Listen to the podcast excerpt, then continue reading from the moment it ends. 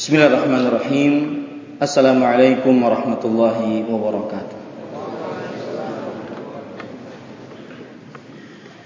Innal hamdalillah nahmaduhu wa nasta'inuhu wa nastaghfiruh wa na'udzu billahi min shururi anfusina wa sayyiati a'malina man yahdihillahu fala mudilla lahu wa man yudlil fala hadiya lahu وأشهد أن لا إله إلا الله وحده لا شريك له وأشهد أن محمدا عبده ورسوله. يا أيها الذين آمنوا اتقوا الله حق تقاته ولا تموتن إلا وأنتم مسلمون. يا أيها الناس اتقوا ربكم الذي خلقكم من نفس واحدة وخلق منها زوجها وبث منهما رجالا كثيرا ونساء واتقوا الله الذي تساءلون به والأرحام إن الله كان عليكم رقيبا.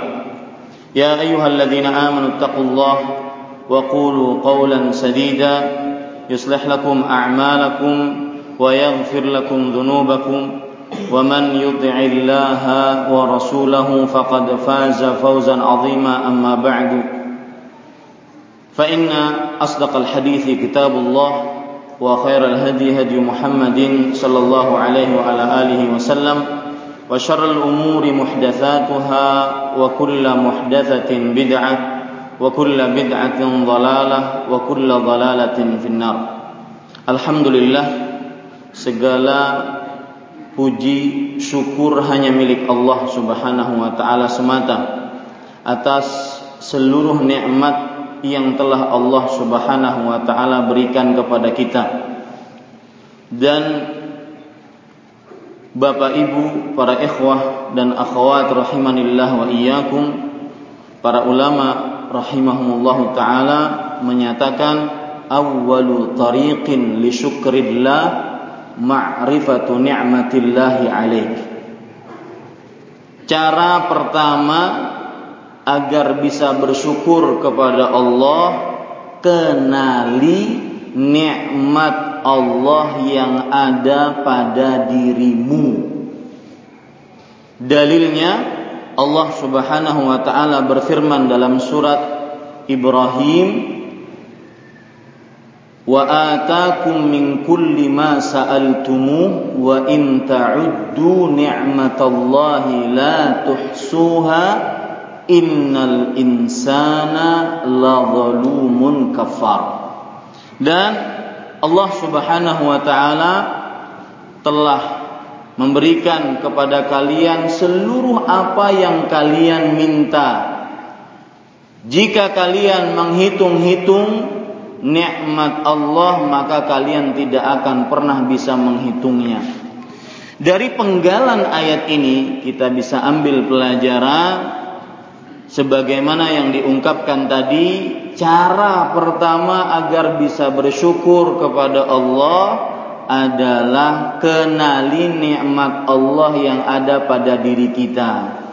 Apa saja yang Allah Subhanahu wa taala berikan kepada kita kenali, maka niscaya kita bisa bersyukur.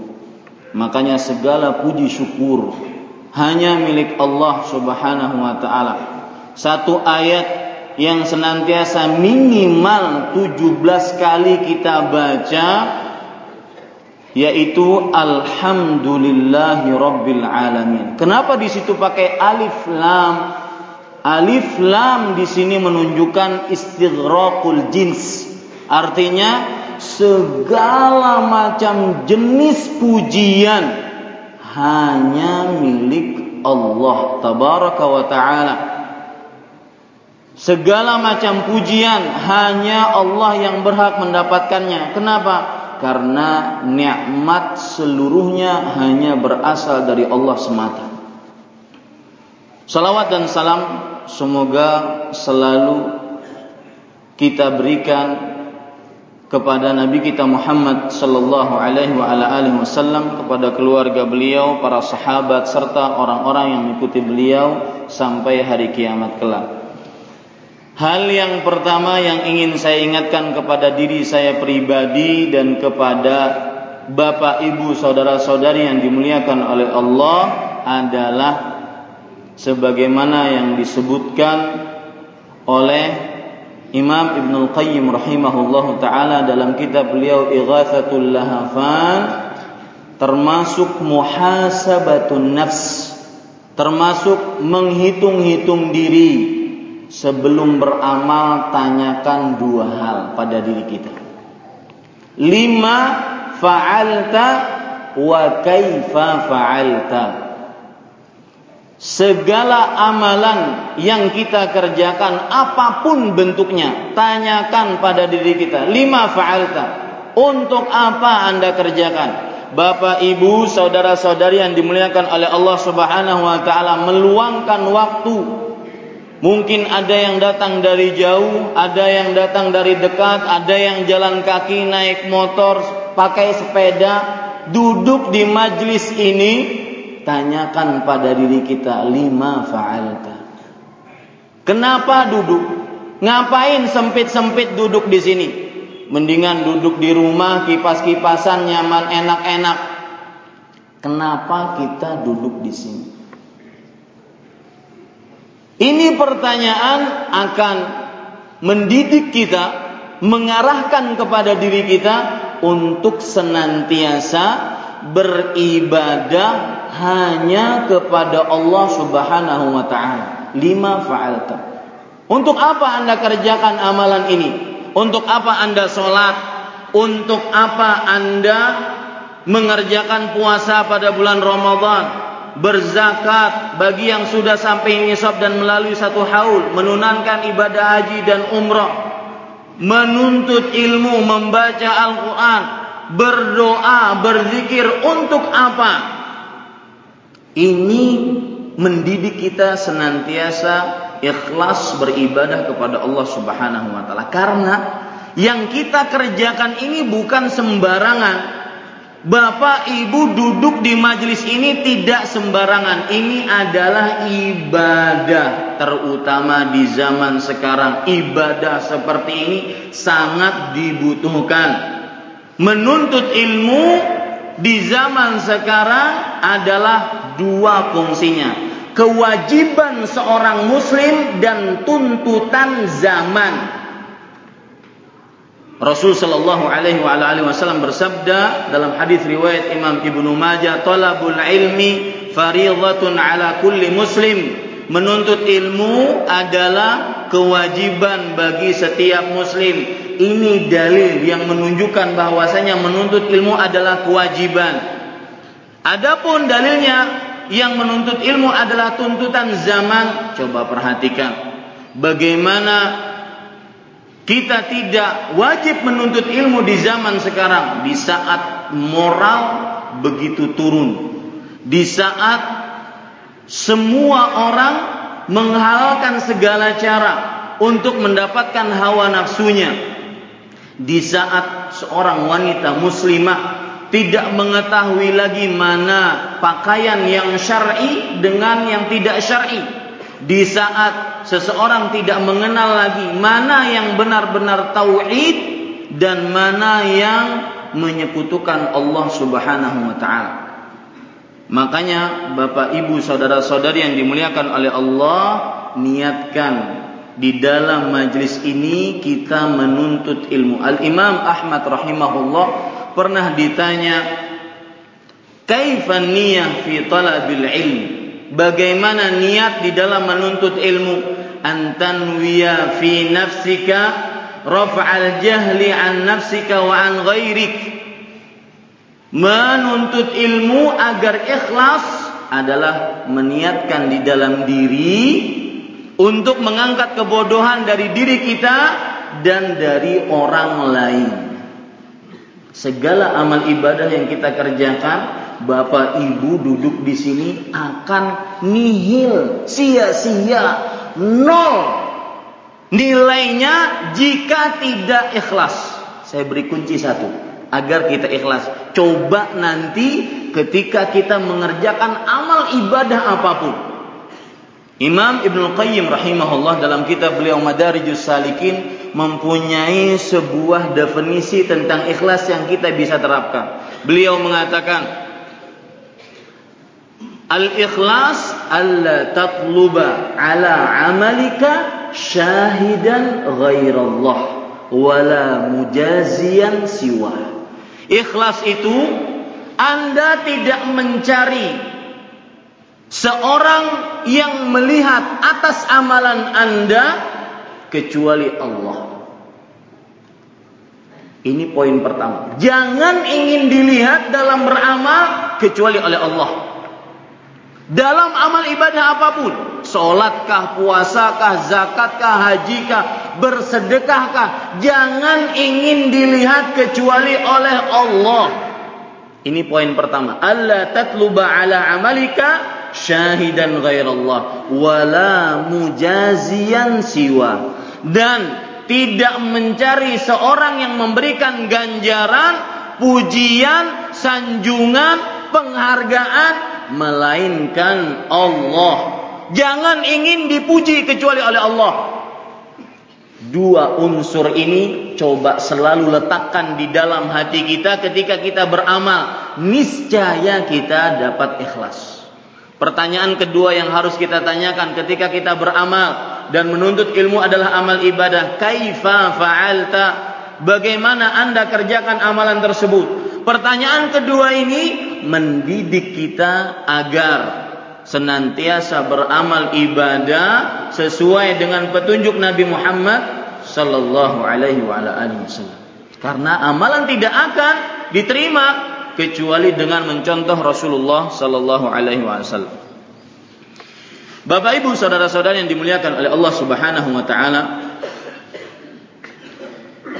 Tema kita pada kesempatan kali ini adalah hartaku membawaku ke dalam surga. Sebelum temanya gampang. Ya. Bagaimana harta membawa kita ke dalam surga itu sangat mudah membicarakannya. Tapi yang ingin saya tekankan adalah bagaimana per perspektif Islam membanda, memandang harta. Islam memandang harta itu bagaimana? Jangan sampai akibat harta semangka disuntik. Jangan sampai akibat harta pentol bakso dibuat dari daging tikus. Jangan sampai akibat harta. Seseorang memarkup atau membuat nota-nota bon-bon palsu untuk mendapatkan harta lebih. Jangan sampai akibat harta seseorang mengoplos segala sesuatu sampai kadang-kadang ilmuwan fisika kimia terkenal tidak sampai kepada pikiran bahwasanya dia bisa membuat sesuatu untuk mengelabui manusia. Tetapi sebagian pedagang gara-gara harta tidak paham bagaimana Islam memandang harta, maka menghalalkan segala cara. Dan ini sudah ditegaskan oleh Rasul Shallallahu Alaihi Wasallam dalam sebuah hadis riwayat Bukhari Nabi Muhammad sallallahu alaihi wasallam bersabda, "Ya'ti 'alan nasi zamanun la yubalil mar'u ma akhadha minhu aminal halal am minal haram." Akan datang kepada masa suatu zaman seseorang tidak memperhatikan apa yang dia ambil, apakah yang halal, apakah yang haram. Maka Poin yang pertama, mukaddimah mukaddimah penting tentang harta. Pertama, ketahuilah pemilik asli harta adalah Allah tabaraka wa taala. Bapak, ibu, saudara-saudari kerja dari mulai pagi sampai sore mendapatkan hasil itu yang memiliki aslinya adalah Allah Subhanahu wa taala. Ini pandangan Islam pertama terhadap harta. Pemilik asli adalah Allah. Kita hanya titipan yang diberikan oleh Allah Subhanahu wa taala. Harta kita hanya titipan yang dititipkan oleh Allah Subhanahu wa taala. Apa dalilnya? Yang pertama, Allah Subhanahu wa taala berfirman di dalam surat An-Nur ayat 33 wa atuhum min malillahi alladzi atakum dan berikanlah kepada mereka yang sulit-sulit nikah berikan kepada mereka dari harta-harta yang Allah Subhanahu wa taala telah berikan kepada kalian. Di dalam ayat ini Allah Subhanahu wa taala menegaskan bahwasanya pemilik harta yang asli adalah Allah Subhanahu wa taala. Dalil yang lain Surat Al-Hadid ayat 7 Allah Subhanahu wa taala berfirman, "Aminu billahi wa rasulihi wa anfiqu mimma ja'alakum mustakhlafina fihi." Berimanlah kepada Allah dan Rasulnya dan nafkahkanlah dari harta-harta yang telah Allah menjadikan kalian sebagai pengurus di dalamnya. Kita ini sebenarnya sebagai pengurus dari harta yang memiliki asli harta tersebut adalah Allah Subhanahu wa taala. Apa faedahnya? Bapak Ibu saudara-saudari yang dimuliakan oleh Allah, ketika kita memahami bahwasanya harta itu adalah milik Allah, faedahnya adalah apabila Allah Subhanahu wa taala berfirman, "Ya ayyuhalladzina amanu anfiqu min thayyibati ma razaqnakum." Wahai orang-orang beriman, nafkahkanlah. Ingat Pak, ada pelajaran penting dari seorang ulama dari para sahabat Abdullah bin Mas'ud radhiyallahu anhu beliau mengatakan idza qala Allah taala ya ayyuhalladzina amanu jika Allah Subhanahu wa taala berfirman wahai orang-orang yang beriman far'i biha sam'ak. Maka dengarkan baik-baik. Karena di dalamnya pasti antara dua hal.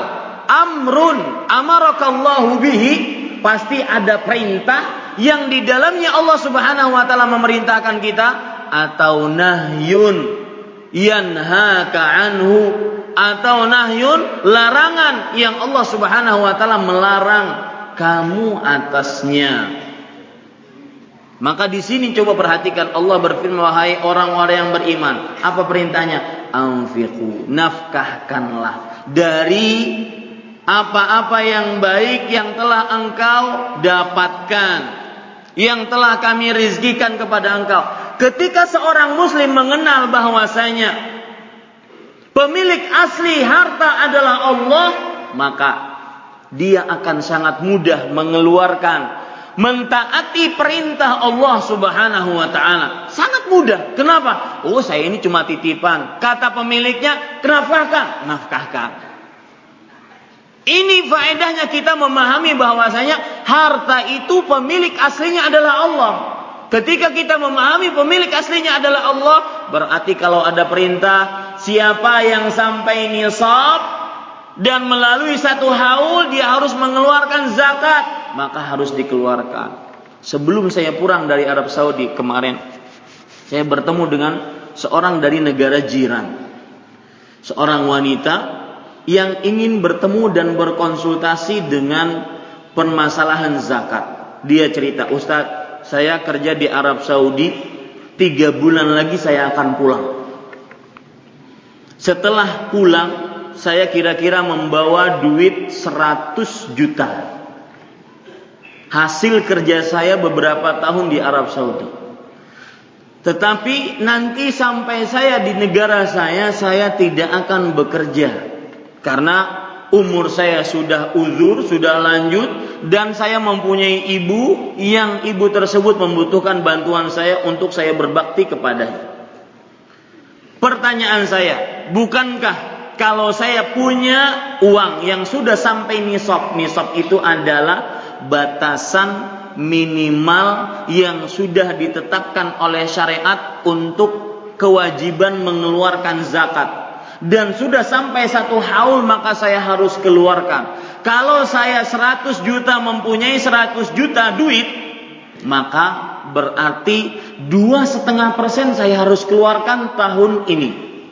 Tahun depan saya akan mengeluarkan lagi. Tahun depannya saya akan mengeluarkan lagi. Tahun depannya saya akan mengeluarkan lagi. Ustadz, duit saya habis. Ingat Pak, salah satu nikmat Allah terbesar, perhatikan baik-baik ini. Salah satu nikmat Allah terbesar adalah mudah seseorang dalam beribadah. Itu nikmat Allah terbesar. Garis bawahi baik-baik. Orang yang mudah dalam beribadah itu nikmat Allah terbesar. Coba bayangkan berapa banyak orang yang diluaskan rizkinya oleh Allah akan tetapi hanya sedikit yang mengeluarkan zakat kepada Allah Subhanahu wa taala. Padahal kalau ada orang yang tidak mengeluarkan zakat itu sama saja nyuri harta orang. Ini orang-orang yang diluaskan rezekinya, ketahuilah baik-baik jika Anda tidak mengeluarkan zakat, Anda sama dengan nyuri harta orang. Dalilnya apa? Allah Subhanahu wa taala berfirman, "Wa fi amwalihim haqqun lis-sa'ili wal mahrum." Dan pada harta mereka ada hak bagi orang yang minta-minta dan orang yang dibatasi rezekinya. Berarti ada hak, hak orang lain ada pada kita. Maka coba perhatikan orang tadi, saya kembali mengingatkan tadi poin penting Salah satu nikmat Allah terbesar mudah dalam beribadah. Saya beri contoh. Berapa banyak kaum muslim yang ada di Lombok ini? Berapa banyak? Berapa persen? Hah? 95 persen. 95 persen. Ketika hayya ala salah, hayya ala falah. Berapa laki-lakinya yang ke masjid? Hah? 5% kebanyakan Ustaz. Ya?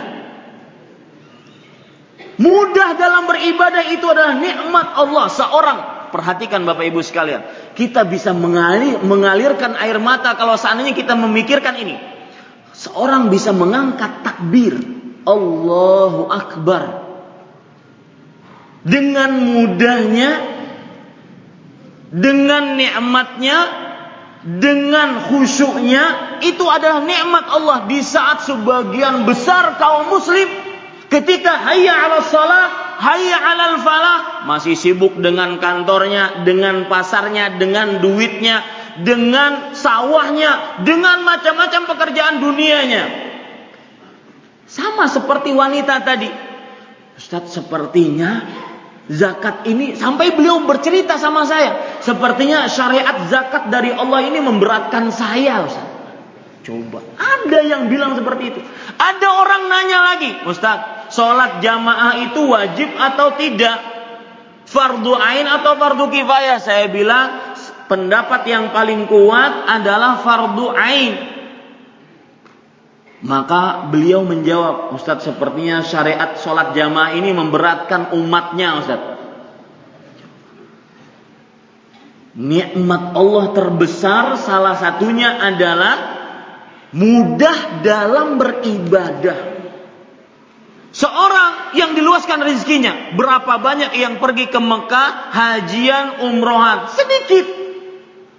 Saya saja di Damam, mendap Damam antara Damam dengan Mekah itu 1300. Kalau kita naik travel untuk umroh sekitar 250 ribu. Murah. Tetapi ada orang yang sudah puluhan tahun di kota Damam bekerja, tidak belum pernah kakinya menginjakkan tanah suci. Mudah dalam beribadah, nikmat Allah, salah satu nikmat Allah terbesar adalah mudah dalam beribadah. Catat itu baik-baik. Bapak Ibu saudara-saudari yang dimuliakan oleh Allah Subhanahu wa taala. Jadi poin yang pertama tentang harta, harta pemilik aslinya adalah Allah. Kita cuma dititipi oleh Allah. Kata Allah, infakan din, infakan. Kenapa? Cuma titipan. Ngapain dipegang-pegang? Dititipi oleh Allah Subhanahu wa taala. Poin yang kedua, perspektif Islam terhadap harta. Harta adalah ujian bagi umat Nabi Muhammad sallallahu alaihi wasallam. Nah, ini penting. Bapak Ibu saudara-saudari kalian dirahmati oleh Allah Subhanahu wa taala, sebagian orang punya pikiran kalau orang yang diluaskan rizkinya itu tanda dimuliakan oleh Allah. Sebaliknya, ada pikiran lain yang disempitkan rizkinya, dibatasi rizkinya oleh Allah, tanda orang tersebut dihinakan oleh Allah. Buang, hapus image ini baik-baik. Kenapa? Karena Allah sudah membantahnya di dalam surat Al-Fajr dari mulai ayat 15 sampai 17. Perhatikan baik-baik Allah Subhanahu wa taala berfirman, "Fa ammal insan idza mabtalahu rabbuhu fa akramahu wa na'amahu fayaqulu rabbi akraman." Adapun manusia jika Allah Subhanahu wa taala menguji dia, dia dimuliakan oleh Allah, kemudian diberikan nikmat oleh Allah, maka dia akan mengatakan, "Robku, Allah sembahanku telah memuliakan aku." Adapun wa amma idza mabtalahu faqadara alaihi rizqahu fayaqulu rabbi Adapun jika Allah menyempitkan rizkiku, membatasi rizkinya, maka dia mengatakan, Robku telah menghinakanku. Dua asumsi ini, siapa yang kaya tanda dimuliakan oleh Allah, siapa yang miskin tanda dihinakan oleh Allah, langsung dibantah oleh Allah di ayat yang ke-17. Kalla tidak sama sekali. Pak, milih yang mana, Pak? kaya, bersyukur, atau miskin, bersabar.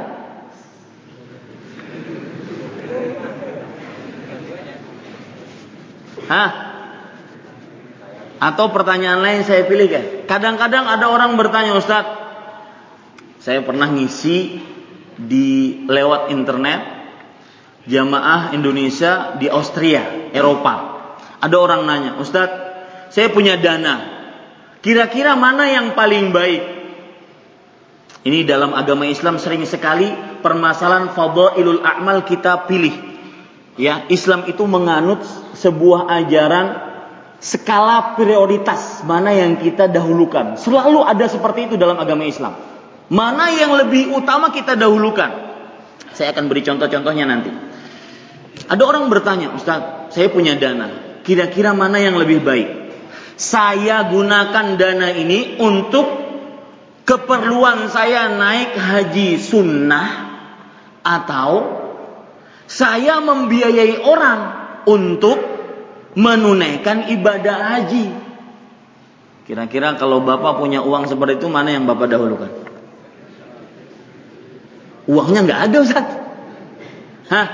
Mana? Yang paling baik Bapak menunaikan ibadah haji sunnah dan juga kasih orang untuk menunaikan ibadah ibadah haji. Itu paling baik sudah.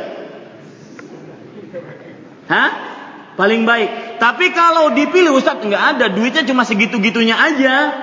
Maka yang paling baik mana yang paling banyak manfaatnya. Allah Rasulullah Sallallahu Alaihi Wasallam ketika Beliau bersabda, "Khairun nasi anfa'uhum linnas." Sebaik-baik manusia adalah yang paling bermanfaat bagi bagi manusia.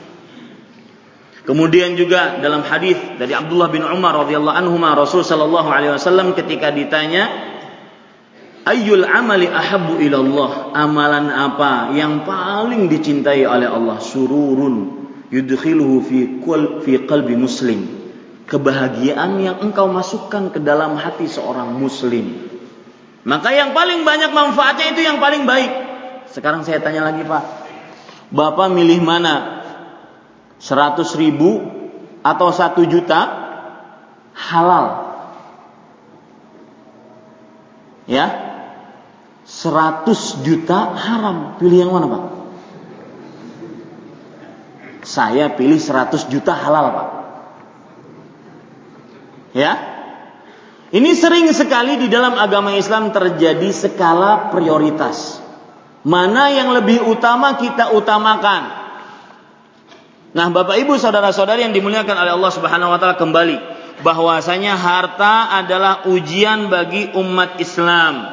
Rasulullah Subhanahu wa taala berfirman surat Al-Anfal ayat 28 wa'lamu annama amwalukum wa auladukum fitnah wa annallaha indahu ajrun azim. Ketahuilah kalian seluruhnya bahwasanya harta dan anak kalian hanya ujian. Allah memakai kata-kata annama di sini untuk hasr, untuk pembatasan. Artinya salah satu fungsi harta dan anak hanya sebagai ujian. Fitnah dalam bahasa Arab, kamus Al-Quran dan hadis bisa berarti macam-macam. Bisa berarti tuduhan yang biasa kita pakai di dalam bahasa Indonesia kita yang bisa berarti keadaan yang genting, bisa berarti kekacauan, ketidakstabilan, bisa berarti banyak pembunuhan, ujian, godaan, banyak artinya. Di sini Allah Subhanahu wa taala memakai kata-kata fitnah. Ketahuilah bahwasanya harta dan anak-anak kalian hanya artinya batas, dibatasi oleh Allah. Salah satu Fungsi harta dan anak adalah hanya sebagai ujian. Kemudian Allah mengakhiri ayat wa annallaha indahu ajrun azim. Dan sesungguhnya di sisi Allah pahala yang besar. Apa makna yang tersirat dari ayat ini? Maknanya adalah jangan sampai karena harta dan anak kita kita menggagalkan atau mendahulukan anak dan istri, anak dan harta kita dan kita melalaikan apa yang di sisi Allah. Karena yang di sisi Allah lebih besar daripada harta dan anak yang kita miliki. Ada faedah menarik dari Imam Ibnu Katsir rahimahullahu taala. Faedahnya berbunyi man ahabba syai'an 'ala Allah bihi. Siapa yang lebih mencintai sesuatu didahulukan daripada kecintaan kepada Allah, maka dia akan disiksa dengan yang dia cintai tersebut di akhirat. Saya ulangi. Barang siapa yang mencintai sesuatu lebih didahulukan daripada kecintaan kepada Allah, maka dia akan disiksa dengan sesuatu yang dia cintai tersebut. Contohnya, Imam Ibnu Katsir ketika menerangkan ini beliau menjelaskan ayat tentang orang-orang yang tidak mau bayar zakat. Allah Subhanahu wa taala berfirman, "Walladzina yaknizuna adh-dhahaba wal fiddata wa la yunfiqunaha fi sabilillah, fabashshirhum bi'adzabin alim yawma yuhma 'alaiha fi nari jahannam fatukwa biha jibahuhum wa dhuhuruhum wa junubuhum." Artinya, orang-orang yang menyimpan emas dan peraknya dan tidak mau menafkahkannya di sisi Allah, di jalan Allah, maka berikan kepada mereka ancaman tentang siksa yang sangat pedih. Apa siksanya? Coba perhatikan. Kaedahnya tadi, siapa yang mencintai sesuatu didahulukan daripada kecintaan kepada Allah, dia akan disiksa dengan sesuatu tersebut di hari kiamat. Apa siksanya? Yauma yuhma 'alaiha fi nari jahannam. Pada hari lempengan-lempengan emas dan perak tersebut akan dipanggang di dalam api neraka jahanam. Kemudian sesudah menjadi api ditempelkan di dahi mereka, di punggung mereka, dan di lambung mereka. Tempat-tempat yang kalau mendapatkan siksa sangat pedih. Disiksa dengan apa? Dengan sesuatu yang dia cintai. Kemudian beliau menyebutkan sebuah cerita seperti ceritanya seorang saudagar kaya sangat terkenal di masyarakat Arab jahiliyah. Dia lebih mendahulukan istrinya daripada kecintaan dia kepada Allah dan Rasulnya. Ada yang tahu? Siapa yang sebelum meninggal kakinya masih berjalan di atas muka bumi dinyatakan sebagai penghuni neraka dan ini mukjizat Al-Qur'an. Siapa? Abu Abu Lahab. Abu Lahab itu salah satu siksa yang pedih bagi dia karena dia lebih mendahulukan istrinya daripada keimanan kepada Allah dan Rasulnya bahkan dia lebih taat kepada istrinya di hari kiamat yang akan menyiksa dia siapa? Istrinya. Man ahabba syai'an 'ala Allah udziba bihi finnar. Siapa yang lebih mendahulukan ses mencintai sesuatu di atas kecintaan Allah Subhanahu wa taala akan disiksa dengan sesuatu tersebut pada hari kiamat dan itu pasti. Harta adalah fitnah bagi umat Nabi Muhammad sallallahu alaihi wasallam. Coba perhatikan di dalam surat Al-Anfal ayat 28 tadi, Imam Ibnu Katsir rahimahullahu taala mengomentari ayat ini. Yaqulu ta'ala innamal amwal wal aulad fitnah ay ikhtibarun wa imtihanun minallah li khalqihi liya'lama man yuti'uhu mimman ya'si. Allah Subhanahu wa taala berfirman sesungguhnya harta dan anak hanya sebagai fitnah ujian.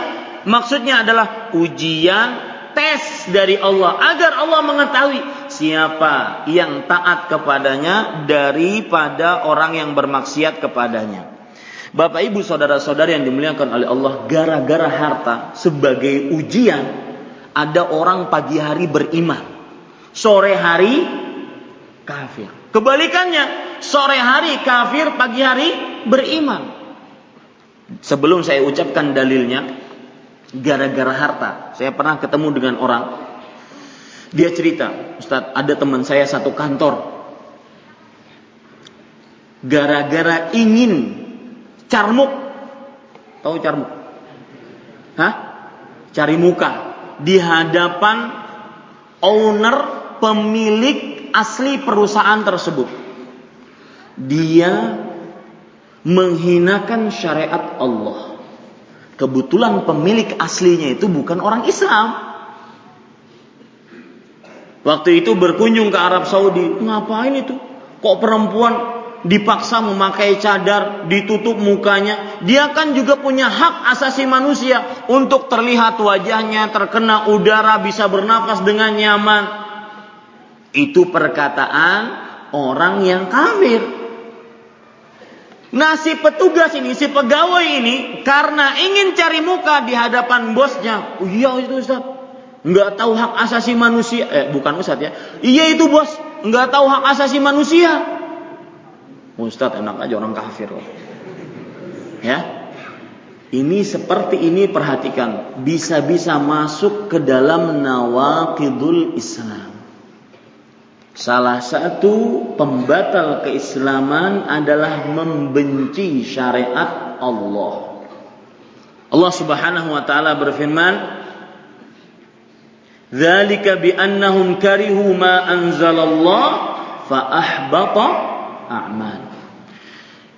Yang demikian itu karena mereka membenci akan apa yang diturunkan oleh Allah dari syariat, maka hapus amalan mereka, membenci saja. Gara-gara ingin apa? Ingin perkara dunia. Ini yang disebutkan oleh Rasul Shallallahu Alaihi Wasallam dalam hadis riwayat Muslim dari Abu Hurairah radhiyallahu anhu. Rasul Shallallahu Alaihi Wasallam bersabda, "Badiru bil a'mal fitanan ka qita'il lailil muzlim." Yusbihu rajulu mu'minan wa yumsi kafiran wa yumsi mu'minan wa yusbihu kafiran. Yabi'u dinahu bi'aradhin minad dunya. Artinya, bersegeralah kalian beramal sebelum datang ujian-ujian. Seperti lipatan-lipatan pada malam yang gelap gulita. Seseorang pada pagi hari bisa beriman, sore hari bisa kafir. Kebalikannya, sore hari beriman, pagi hari bisa kafir. Kenapa? Karena menjual sebagian dari agamanya hanya untuk mendapatkan sebagian dari perhiasan dunia. Rasul Shallallahu Alaihi Wasallam bahkan mengingatkan kita tentang ujian harta. Bahkan beliau lebih takut kepada umatnya, kepada para sahabatnya tentang ujian harta daripada takutnya beliau kepada para sahabatnya tentang menyekutukan Allah Subhanahu wa taala. Coba perhatikan sebuah hadis yang diriwayatkan oleh Imam Muslim dari Uqbah ibnu Amir radhiyallahu anhu Rasul sallallahu alaihi wasallam bersabda, "Wallahi ma akhafu alaikum an tusyriku ba'di. Demi Allah, aku tidak takut atas kalian, terhadap kalian. Kalian menyekutukan Allah setelahku. Tidak aku takutkan itu. Walakin akhafu alaikum an tatanafasu fiha. Akan tetapi aku takut kalian berlomba-lomba di dalam harta. Gara-gara berlomba-lomba di dalam harta, maka sebagian orang kadang-kadang menghalalkan segala cara. Bapak Ibu saudara-saudari yang dimuliakan oleh Allah Subhanahu wa taala, kemudian perhatikan baik-baik Rasulullah sallallahu alaihi wasallam menjelaskan kepada kita tentang harta yang sebenarnya. Pandangan yang ketiga tentang harta harta kita sebenarnya adalah harta yang dijalankan di jalan Allah Subhanahu wa taala. Perhatikan baik-baik. Harta kita yang kita punyai, Bapak sekarang seluruhnya mempunyai dompet. Di dalam dompet 50 ribu, 100 ribu, 200 ribu. Ada yang sampai sejuta, ada yang bawa kartu kredit. Itu kalau mati, Pak. Kalau mati milik siapa? Milik bapak atau milik orang lain? Rasul Shallallahu Alaihi Wasallam telah menegaskan kepada kita bahwasanya kita ini paling suka nyimpen harta orang lain daripada hartanya sendiri. Itu motor, banyak motor di sini. Ada orang yang paling suka nyimpen hartanya, harta orang lain daripada harta dirinya sendiri. Harta orang lain tersebut adalah yang kita pegang, yang kita simpan, yang kita jaga. Kalau mati, itu akan berpindah tangan, bukan harta kita. Adapun harta kita adalah yang kita dijalankan di jalan Allah Subhanahu wa taala.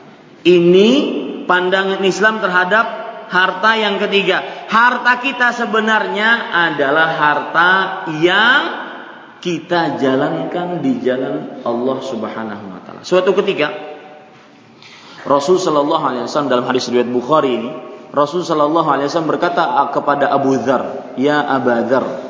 Beliau waktu itu di hadapan beliau Gunung Uhud. Gunung Uhud. Ada yang tahu panjangnya Gunung Uhud itu berapa? 7 kilo. Panjangnya Gunung Uhud berapa? 7 kilo. Tingginya itu sekitar 133 meter. Kalau ditimbang berapa ton?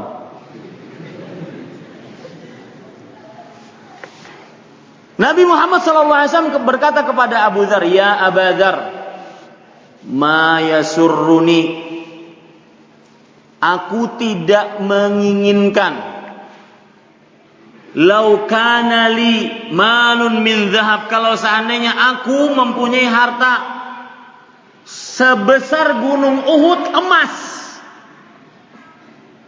Tiga hari masih ada di tanganku. Aku tidak suka. Beliau kemanakan? Sebatas maksimal tiga hari. Tidak ingin aku emas sebesar ini tiga hari masih ada tersisa di tanganku. Kenapa? Karena beliau sangat mengenal bahwasanya harta yang sebenarnya yang kita miliki adalah yang kita jalankan di jalan Allah. Itu yang akan menemani kita nanti di akhirat. Dalam hadis riwayat Imam Ahmad dari Al-Bara bin Azib radhiyallahu anhu dan juga Imam Abu Daud ketika ruh dikembalikan ke bumi, ke, bumi, ke jasadnya maka ruhnya, jasadnya orang beriman akan didatangi oleh seseorang yang baik rupa, wajahnya bersinar, pakaiannya bagus, baunya wangi. sampai si mayat ini berkata, "Man anta?" Fawajhuka alwajhu alladhi ya'ti bil khair. Siapa engkau? Wajahmu ini wajah yang orang yang mendatangkan kebaikan. Apa yang dikatakan oleh orang yang datang ini? Perhatikan. Yang malas dalam beribadah, semangat dalam maksiat. Ana amalukas salih. Aku adalah amal solehmu. Apakah aku adalah hartamu, rumahmu, pangkatmu, jabatanmu? Enggak. Aku adalah amal solehmu. Solehmu. Kemudian kata orang, kata yang datang ini, wallahi demi Allah. Ma alimtuka illa kunta sari'an fi ta'atillah bati'an an maksiatillah. Demi Allah, aku tidak mengenal engkau kecuali engkau menteri, engkau presiden, engkau punya jabatan tinggi. Enggak. Yang dikenal oleh orang ini, demi Allah aku tidak mengenal engkau kecuali engkau orang yang sangat semangat beribadah dan sangat terlambat dalam maksiat. Ini Bapak Ibu Saudara, yang jadi yang menemani kita itu adalah amal soleh kita.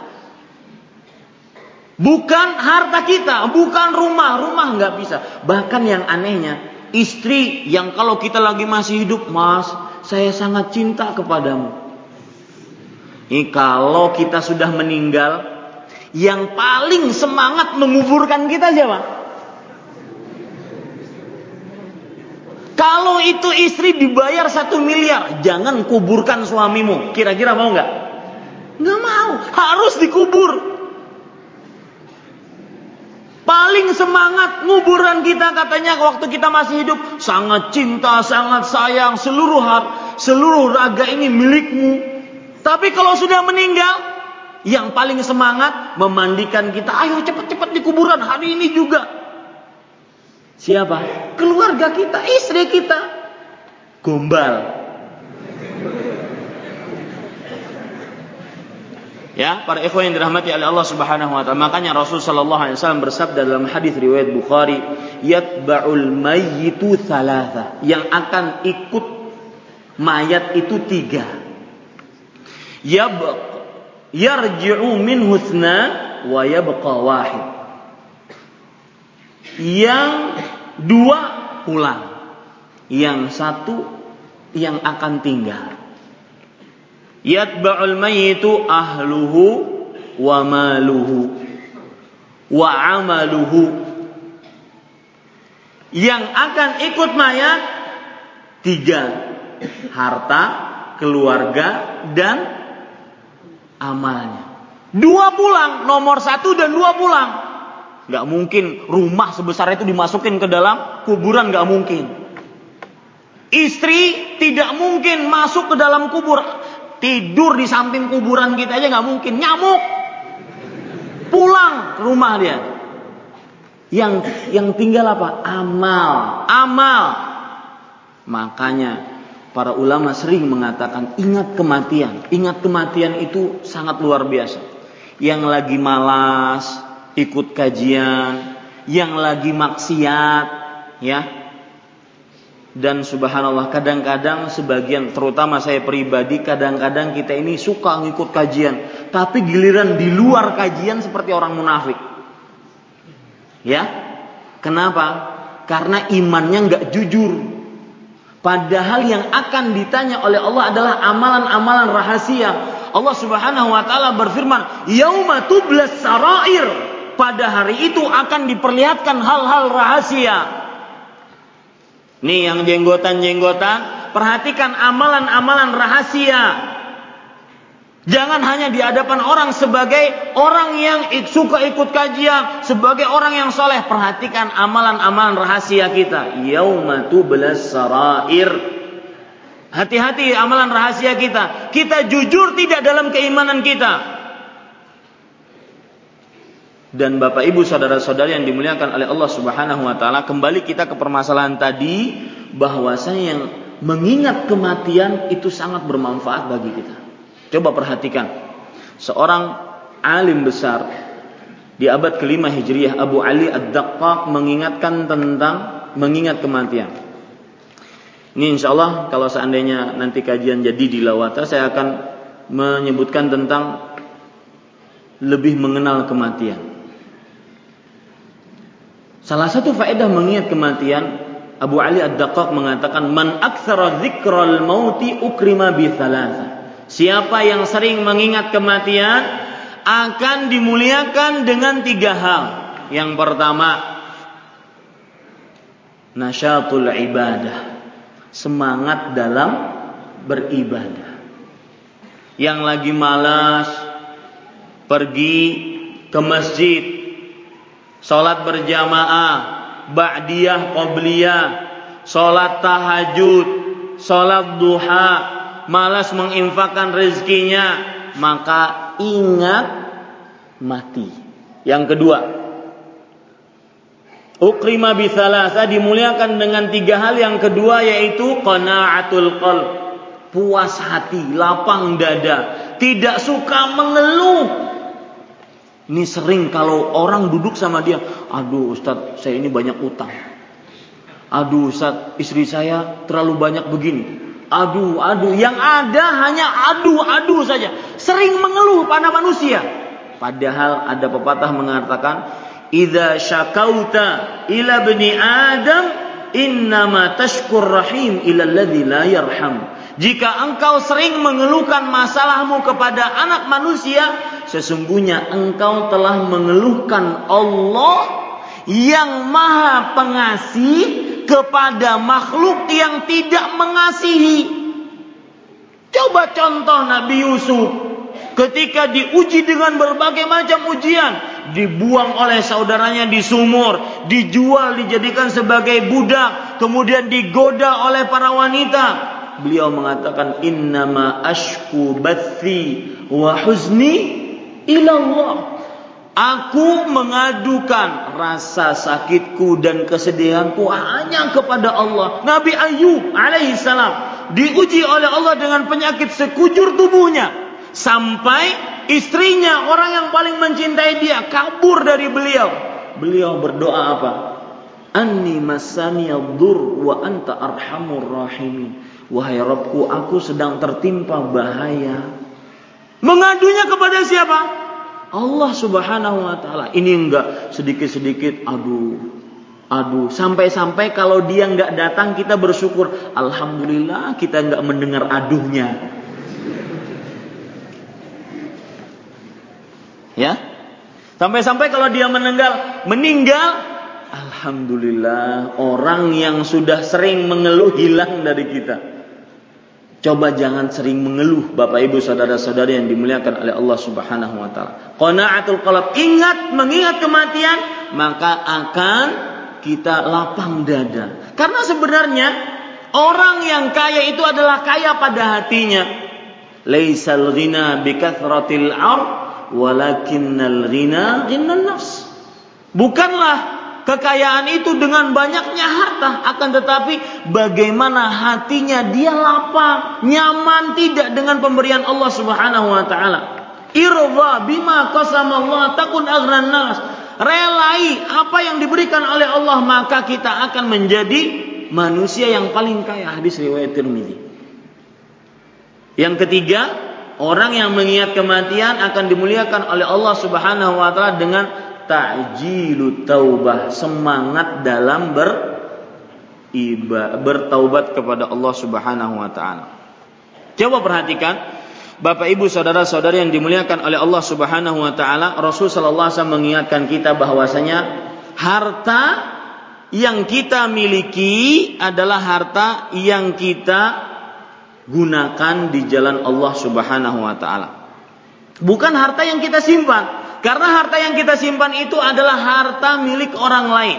Dalam hadis yang diriwayatkan oleh Imam Muslim dan juga Imam Ahmad, Imam Ahmad maksud saya, dari Abdullah ibn Mas'ud radhiyallahu anhu Rasul sallallahu alaihi wasallam bersabda ayyukum mal warithi ahabbu ilaihi min malih mana siapa di antara kalian yang harta ahli warisnya lebih dia cintai daripada hartanya sendiri.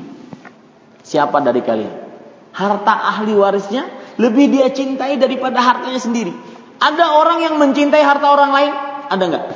Ya kita ini.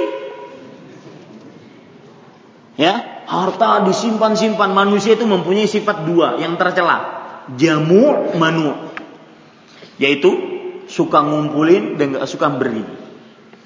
Suka mengumpulkan, tidak suka memberi. Makanya Rasulullah SAW mengingatkan kepada kita, siapa di antara kalian yang harta ahli warisnya lebih dia cintai daripada hartanya sendiri?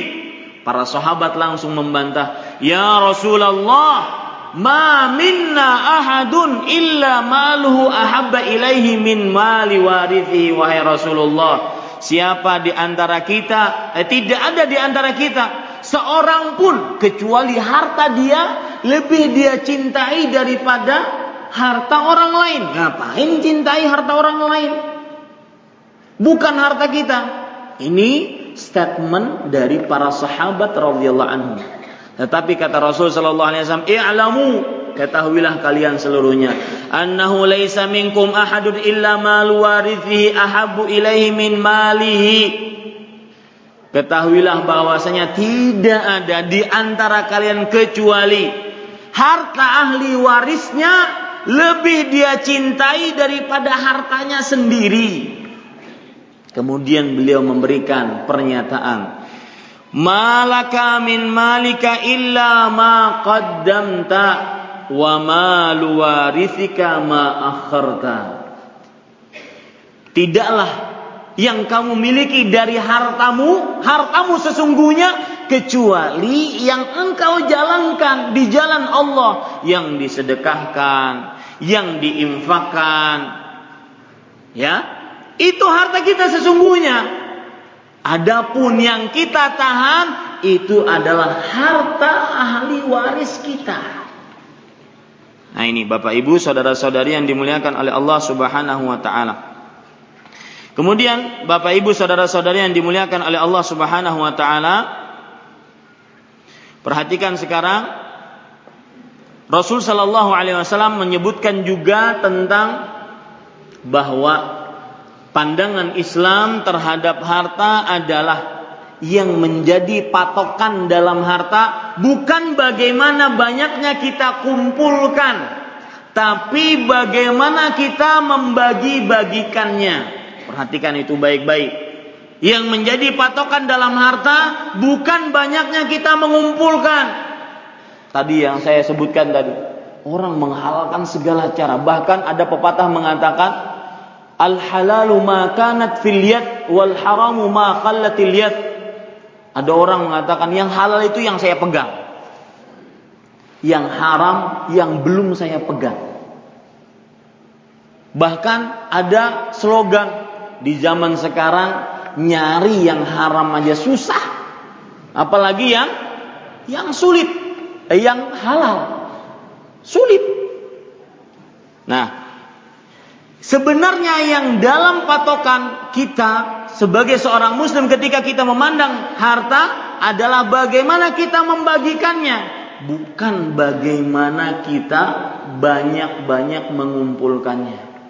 Makanya saya ingatkan kepada diri saya pribadi Bapak Ibu sekalian, kalau lagi ngais harta, perhatikan nih baik-baik. Kalau lagi ngais harta yang menjadi garis bawah kita, pemikiran dasar seorang muslim adalah mengais harta yang halal dengan cara yang halal. Bukan bagaimana cara saya dapat banyak. Gak penting itu. Masa Ustaz gak penting bagaimana makannya nanti. Tidak penting dalam pikiran kita yang paling penting ketika mengais rezeki bagaimana cara saya mencari harta yang halal dengan cara yang halal bukan bagaimana cara saya mengumpulkan banyak-banyak harta. Kenapa? Saya akan sebutkan nanti jawabannya. Yang kedua, kalau kita lagi sakit, bagaimana cara berobat yang halal dengan cara yang halal, bukan bagaimana cepat-cepat sembuh. Kenapa? Karena dua-duanya baik harta atau kesehatan, kesembuhan dari penyakit 50 ribu tahun sebelum terjadinya bumi dan langit sudah ditakdirkan oleh siapa? Allah Subhanahu. Mau kerja, ini juga kadang-kadang kebalikan. Kalau lagi nuntut rezeki, wah itu semangat sekali. Saya punya teman-teman di Damam yang kerja di bengkel. Kalau lagi kerja pakai baju khusus, sini obeng, di sini tang, di sini wah macam-macam lengkap. Kayak Dragon Ball gitu loh. Ya, semangat, sangat semangat nuntut rezeki. Lagi giliran nuntut ilmu, bawa buku aja enggak. Pulpennya enggak punya. Datang paling ujung terlambat. Ustadznya sebelum salam baru dia datang. Ya, padahal harta tersebut yang dia kumpulkan tidak akan biasa bisa manage dia dengan baik kecuali dengan ilmu.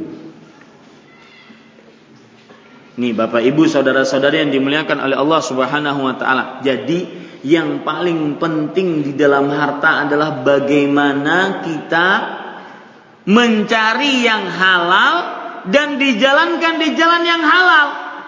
Bukan bagaimana mencari yang banyak. Hilangkan itu.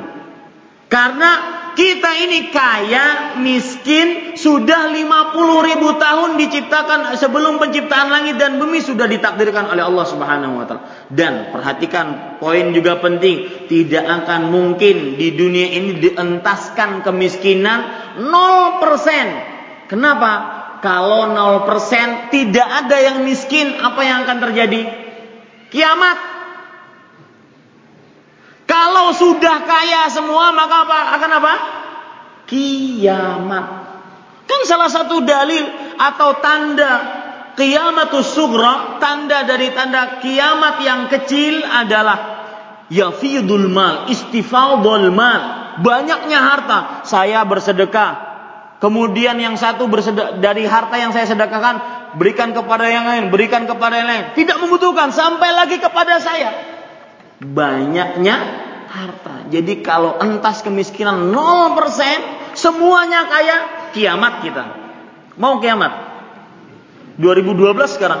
Kan ramalannya 2012. Ya. Jadi yang paling baik di dalam masalah harta pandangannya adalah bagaimana mengumpul membagikan harta tersebut dengan sebaik-baiknya dan perhatikan baik-baik Bapak Ibu saudara-saudari sekalian Rasul sallallahu alaihi wasallam sudah bersabda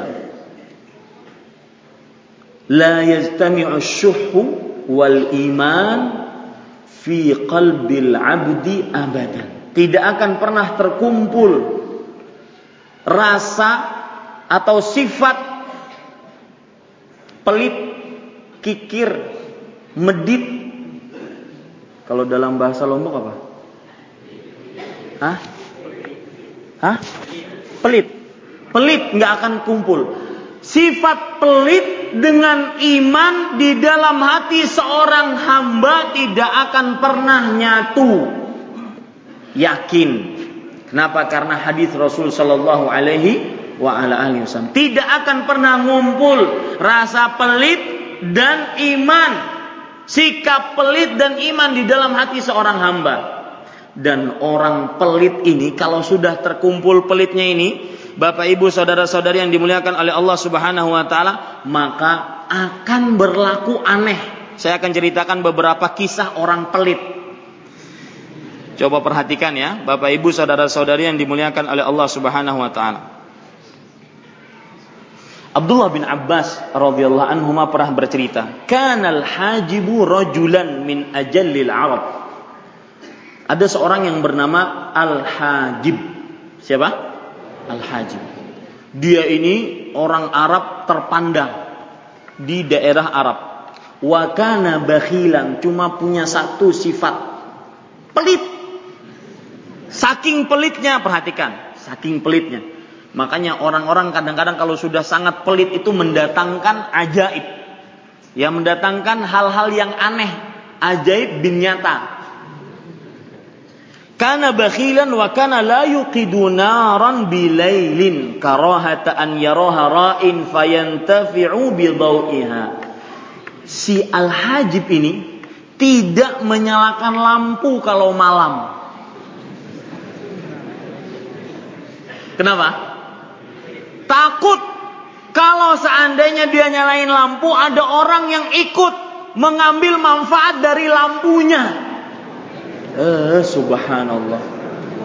Pelit.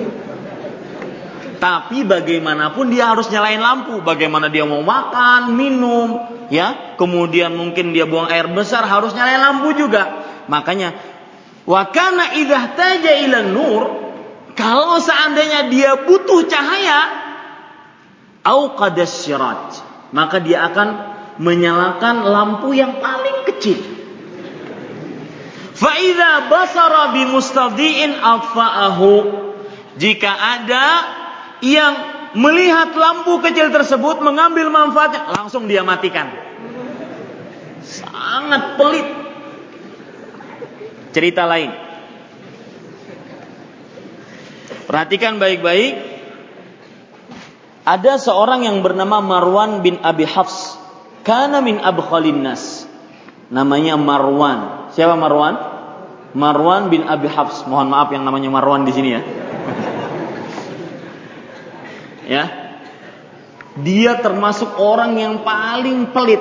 Saking pelitnya, hatta kana yabkhalu ala ahli baitih. Saking pelitnya, dia pelit sampai kepada anak istrinya. Coba ada orang yang pelit sama anak istri. Yang perhatikan baik-baik. Saya banyak baca berita di Indonesia banyak orang yang membuang anak. Kenapa harus membuang anak? Anak itu sudah ada yang menjamin. Yang menjamin siapa? Allah Subhanahu. Coba perhatikan, sangat saya tutup dulu cerita ini, perhatikan akan yang apa yang akan saya sebutkan. Coba perhatikan Allah Subhanahu wa taala dengan beberapa macam redaksi Al-Quran yang sangat luar biasa menjelaskan bahwasanya yang menjamin harta pada anak dan kita adalah Allah. Kata Allah Subhanahu wa taala di dalam Al-Qur'an, "Wala taqtulu auladakum min imlaq." Jangan kalian bunuh anak-anak kalian karena kalian miskin. Jadi miskinnya memang sudah ada karena banyak anak. Tapi jangan dibunuh nahnu narzukukum wa iyyahum. Karena kami kata Allah yang akan memberikan rizki kepada kalian wahai orang tua. Ini yang di pertama ini kepada orang tua duluan. Baru kepada mereka karena sudah ada miskinnya. Di ayat yang lain Allah Subhanahu wa taala mengatakan wala taqtulu auladakum khasyata imlaq jangan kalian bunuh anak-anak kalian karena takut miskin. Miskinnya belum ada, tapi tak takut. Ya, jangan dibunuh anak-anaknya. Ini yang aborsi, ini yang macam-macam membunuh anak.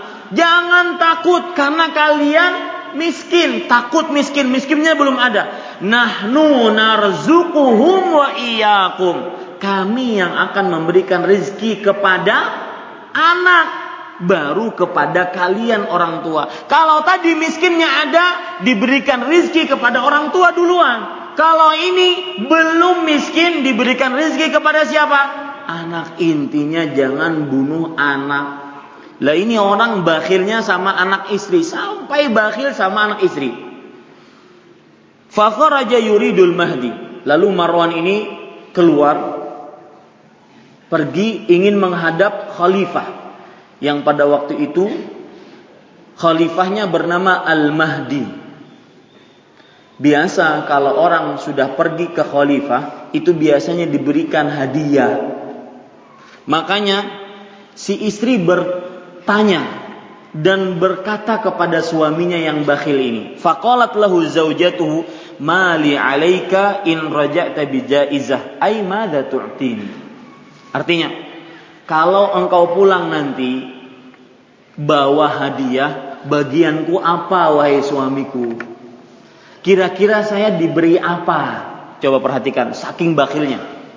Kata si suaminya, "In u'titu mi'ata alfi dirham, u'ti a'taituka dirhaman." Kalau aku diberi oleh Al-Mahdi sang khalifah seratus ribu dirham, aku akan kasihkan kepada engkau istriku satu dirham. Dari seratus ribu cuma satu dirham. Itu janjinya si suami. Seratus ribu. Dikasih berapa? Satu dirham. Kemudian, yakni wahidan min mi'ati alf. Yaitu satu dari seratus ribu. Satu dari seratus ribu. Kemudian fa'u'tiya sittina alfa dirham. Tadi kan berapa? Seratus ribu dirham. Kalau seratus ribu aja satu. Lah sekarang ternyata yang dikasih cuma berapa? 60 dirham. Berarti kurang dari berapa? 100 ribu. Kira-kira mau dikasih apa istrinya ini? Fa'a'taha arba'ata dawaniq. Maka si istri diberikan oleh suaminya empat danik. Danik itu dalam bahasa Arab sesuatu yang sangat tidak berharga. Kenapa? Karena kan janjinya seratus ribu, itu pun dikasih satu dirham. Lah ini nggak dapat seratus ribunya, cuma enam puluh ribu dikasih cuma empat sesuatu yang tidak berharga. Kalau di kita itu lima rupiah, Saking apa?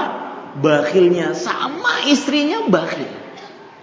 Makanya Bapak Ibu saudara-saudari yang dimuliakan oleh Allah Subhanahu wa taala bahwasanya harta yang kita simpan itu bukan harta kita. Harta yang menjadi patokan adalah yang dijalankan di jalan Allah, bukan yang kita kumpulkan. Bapak Ibu saudara-saudari sekalian dirahmati oleh Allah Subhanahu wa taala, sekarang saya ingin memberikan kiat. Sudah kita pahami tentang harta, sekarang bagaimana harta kita bisa membawa kita ke dalam surga. Yang pertama, harta digunakan untuk mentaati perintah Allah. Salah satu perintah Allah yang sangat luar biasa dalam perihal harta adalah bersedekah dan mengeluarkan zakat. Ini satu, fungsi harta agar membawa kita ke dalam surga. Gunakan harta untuk mentaati perintah Allah. Perintah Allah salah satunya adalah bersedekah dan mengeluarkan zakat. Apa perbedaan sedekah dan zakat? Sedekah kalau kalau ingin nanti kapan-kapan kita akan belajar, saya masih dua mingguan di sini. Kapan-kapan kita akan belajar zakat harta secara intensif. Sedekah artinya adalah pemberian harta kepada orang lain untuk mendapatkan ridha Allah. Jika sedekah itu wajib, maka disebut dengan zakat. Dalilnya apa? Allah Subhanahu wa taala berfirman di dalam surat At-Taubah ayat 60, "Innamas shadaqatu lil fuqara wal masakin wal 'amilina 'alaiha wal muallafati qulubuhum wa fir riqab wal gharimin wa fi sabilillah wa ibnis sabil Allah. Sesungguhnya sedekah itu diberikan hanya kepada orang fakir, miskin. Amil zakat orang yang mau memerdekakan dirinya, orang yang terlilit dengan hutangnya, orang yang di jalan Allah, berjihad di jalan Allah, orang yang kehabisan bekal dan orang yang ditarik hatinya, orang yang mu'allaf. Bapak Ibu saudara-saudari sekalian, di dalam ayat ini Allah memakai kata-kata sodakoh. Sedekah di sini maksudnya adalah zakat. Kenapa? Karena yang disebutkan oleh Allah adalah orang-orang yang berhak mendapatkan harta zakat. Mustahiquz zakah ada delapan. Maka arti sedekah jika wajib maka disebut dengan apa? Zakat. Sedekah kalau itu sunnah adalah pemberian harta kepada orang lain untuk mendapatkan pahala dari Allah Subhanahu wa taala. Dan sedekah itu ajaib luar biasa. Orang yang bersedekah itu luar biasa, tidak akan pernah rugi dan ini dicoba mujarab. Mujarab itu bukan artinya kalau bahasa Indonesia mujarab itu ampuh bukan. Mujarab itu sudah teruji. Sudah tercoba Siapa yang sudah mencoba tentang sedekah, maka dia akan merasakan ajaibnya sedekah. Di antara ajaibnya sedekah adalah Allah Subhanahu wa taala berfirman di dalam Al-Qur'an, "Wa ma anfaqtum min nafaqatin fahuwa yukhlifuh." Tidak ada harta yang engkau sedekahkan, nafkahkan kecuali Allah akan menggantinya dan itu pasti. Siapa yang ingin mencobanya silahkan. Coba saja anfiq unfiq alaih. Kata Allah Subhanahu wa taala, "Ibna Adam wahai anak Adam, nafkahkanlah hartamu aku akan ganti. Dan Rasul Shallallahu Alaihi Wasallam bersabda hadis riwayat Tirmidzi wasadaqatu tutfiul khati'ah kama yutfiul ma'un nara sedekah menghapuskan dosa sebagaimana air memadamkan api orang yang bersedekah dia tidak akan pernah rugi. Mana qasat sadaqatun min mal. Tidak pernah sedekah mengurangi harta. Itu tidak akan pernah. Nominalnya memang iya. Tetapi sebenarnya Allah Subhanahu wa taala sedang meluaskan rezeki orang yang bersedekah. Salah satu fungsi harta. Yang kedua ini, harta membawa kita ke dalam surga adalah memberikan bantuan kepada orang lain. Terutama yang lagi dalam kesempitan Misalkan orang yang ingin berhutang. Ini pahalanya luar biasa. Memberikan hutang kepada orang lain atau orang yang sudah berhutang kepada kita, kita tunda-tunda pembayarannya atau sekalian kita bebaskan. Maka ini termasuk daripada harta yang akan membawa ke dalam surga. Coba perhatikan baik-baik dalam hadis yang diriwayatkan oleh Imam Muslim dari Abu Qatadah radhiyallahu an. Abu Qatadah pernah meminta kepada ghariman. Seorang yang banyak hutang. Kepada Abu Qatadah. Fatawara anhu thumma wajadahu. Lalu orang yang banyak hutang ini, ini perhatikan juga. Ada tema kajian menarik. Hutang itu membuat kita sengsara di siang hari dan eh hina di siang hari dan sengsara di malam hari. Ini orang-orang yang banyak hutang. Abu Qatadah diceritakan dalam hadis riwayat Muslim mencari orang yang berhutang kepadanya. Pasti sembunyi. Banyak Ya, perhatikan ini adab yang kurang baik dari orang-orang yang sudah mengaji salaf. Kalau berhutang, maka harus tepat janji. Apalagi kalau seandainya sesama ikhwah yang sudah mengenal kajian. Ini hutang, nggak pernah bayar. Katanya ngaji salaf, nggak pernah bayar hutang. Perhatikan Umar bin Abdul Aziz pernah mengatakan, ad-dainu dhullun bin nahar wa hammun bil lail. Hutang itu buat orang tersiksa atau buat buat orang terhina di siang hari dan tersiksa di malam hari. Kenapa? Kalau saya ini di hadapan saya banyak orang, orang yang paling kenal, yang saya paling kenal di antara bapak-bapak yang hadir adalah orang yang paling menghutangi saya. Meskipun duduknya di pojok sana. Ya, kalau seandainya orang yang banyak hutang, itu pasti terhina di siang hari. Makanya suka sembunyi-sembunyi. Di telepon, kira-kira ada si fulan nggak? Enggak, dia lagi keluar padahal dalam kamar ngumpet. Banyak hutang, pasti terhina. Kalau ada perkumpulan di kampung-kampung malas ngumpul. Kenapa? Karena yang menghutangi dia ada hadir di situ. Paling malas, terhina di siang hari dan tersiksa di malam hari. Malam hari nggak bisa tidur, bulak balik mikirin hutang. Besok sudah deadline, kapan saya bayar hutang? Makanya jangan suka-suka ngeredit ngeredit hutang. Ibu-ibu jangan suka-suka arisan, arisan itu hutang. Siapa tahu kita saya belum tahu bisa meneruskan kajian saya enggak karena kematian itu sesuatu yang pasti tapi kita tidak tahu kapan datangnya Ya ini Bapak Ibu saudara-saudari yang dimuliakan oleh Allah Subhanahu wa taala. Ceritanya Abdullah bin Abi Qatadah bercerita, anna Abu Qatadah bapaknya yaitu Abu Qatadah tolada tolaba ghariman. Beliau mencari orang yang berhutang banyak kepada beliau. Thumma fatau thumma tawara anhu.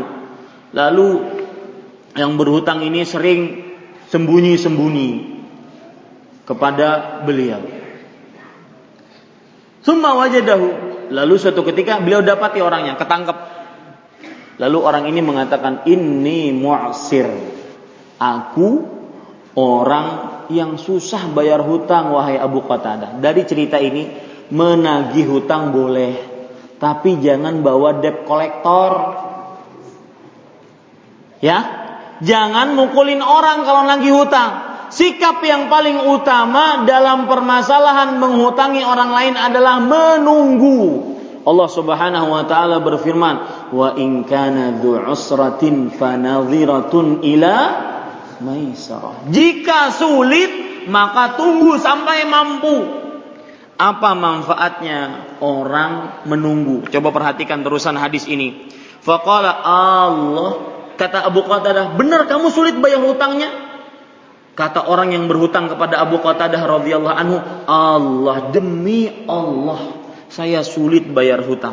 Kata Abu Qatadah, fa inni sami'tu Rasulullah sallallahu alaihi wasallam yaqul, aku pernah mendengar Rasul sallallahu alaihi wasallam bersabda, man sarrahu an yunajjiyallahu min kurabi yaumil qiyamah falyunaffis an mu'sirin aw yadha anhu siapa yang ingin Allah selamatkan dari kesulitan pada hari kiamat. Pak, hari kiamat sulit, nggak mudah.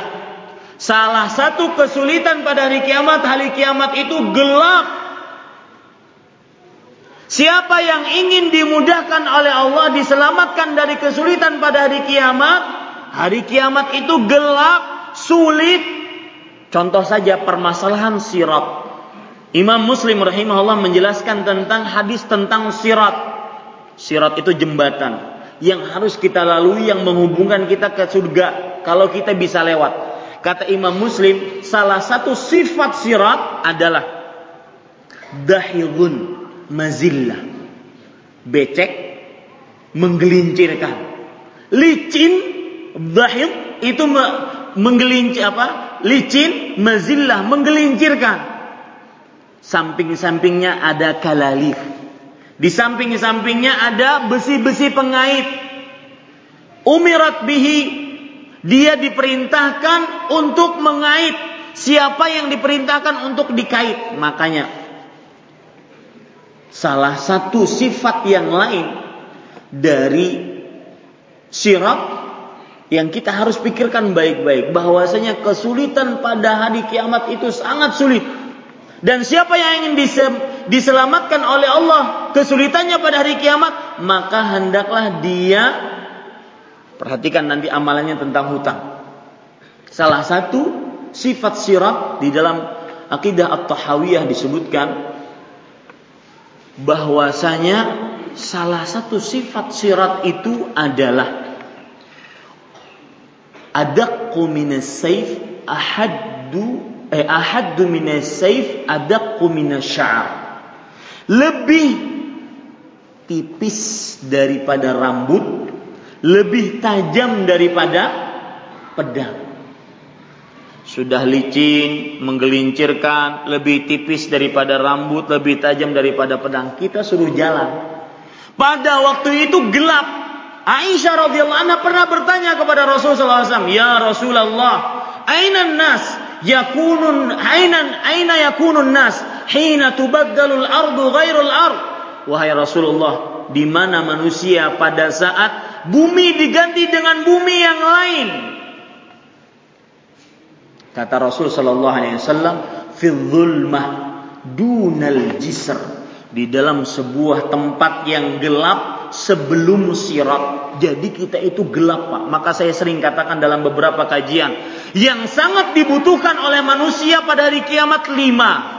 Pertama, cahaya. Yang kedua, air. Makanya ada Rasul Shallallahu Alaihi Wasallam mempunyai air telaga. Mudah-mudahan kita bisa meminum darinya.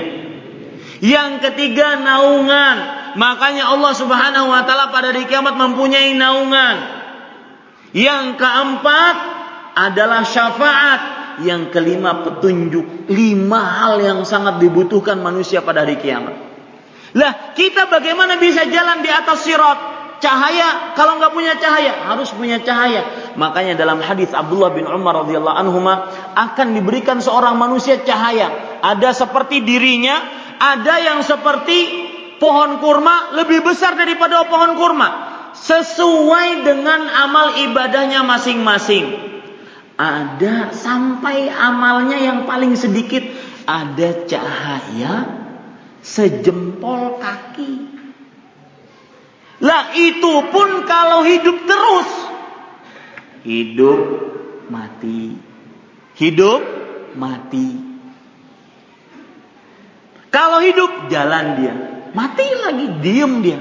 Makanya di akhir hadis riwayat Imam Muslim tadi Rasulullah SAW menjelaskan famakdusun najin wa makdusun finnar. Maka ada orang yang selamat tapi tercabik-cabik dari sirot tadi dia selamat tapi sudah tercabik-cabik sesuai dengan amal ibadahnya. Ada orang yang terkait tercebur ke dalam api neraka. Na'udzubillah. Nah Bapak Ibu saudara-saudari begitulah keadaan hari kiamat yang sangat luar biasa. Rasulullah SAW menjelaskan, barang siapa yang ingin diselamatkan oleh Allah dari kesulitan pada hari kiamat, fal yunaffis an mu'sirin, maka hendaklah dia berikan nafas tenggang waktu, uluran waktu bagi orang yang sulit bayar hutang. anhu atau sekalian bebaskan orang yang bayar hutang. Ini harta membawa ke dalam surga. Poin yang kedua yaitu menolong orang lain. Terutama Bapak Ibu saudara-saudari yang dimuliakan oleh Allah Subhanahu wa taala dalam beribadah Misalkan orang lain ingin menunaikan ibadah haji, orang lain ingin menyekolahkan anaknya, maka tolong orang lain tersebut. Maka harta kita bisa membebaskan membawa kita ke dalam ke dalam surga. Ini yang bisa saya sampaikan tentang harta membawa kita ke dalam surga. Apa yang baik itu dari Allah Subhanahu wa taala, apa yang buruk itu dari kami pribadi manusia biasa. Sallallahu Nabi Muhammad walhamdulillahi rabbil alamin. Subhanakallah bihamdika asyhadu an la ilaha illa anta astaghfiruka wa atubu ilaik. Wassalamualaikum warahmatullahi wabarakatuh.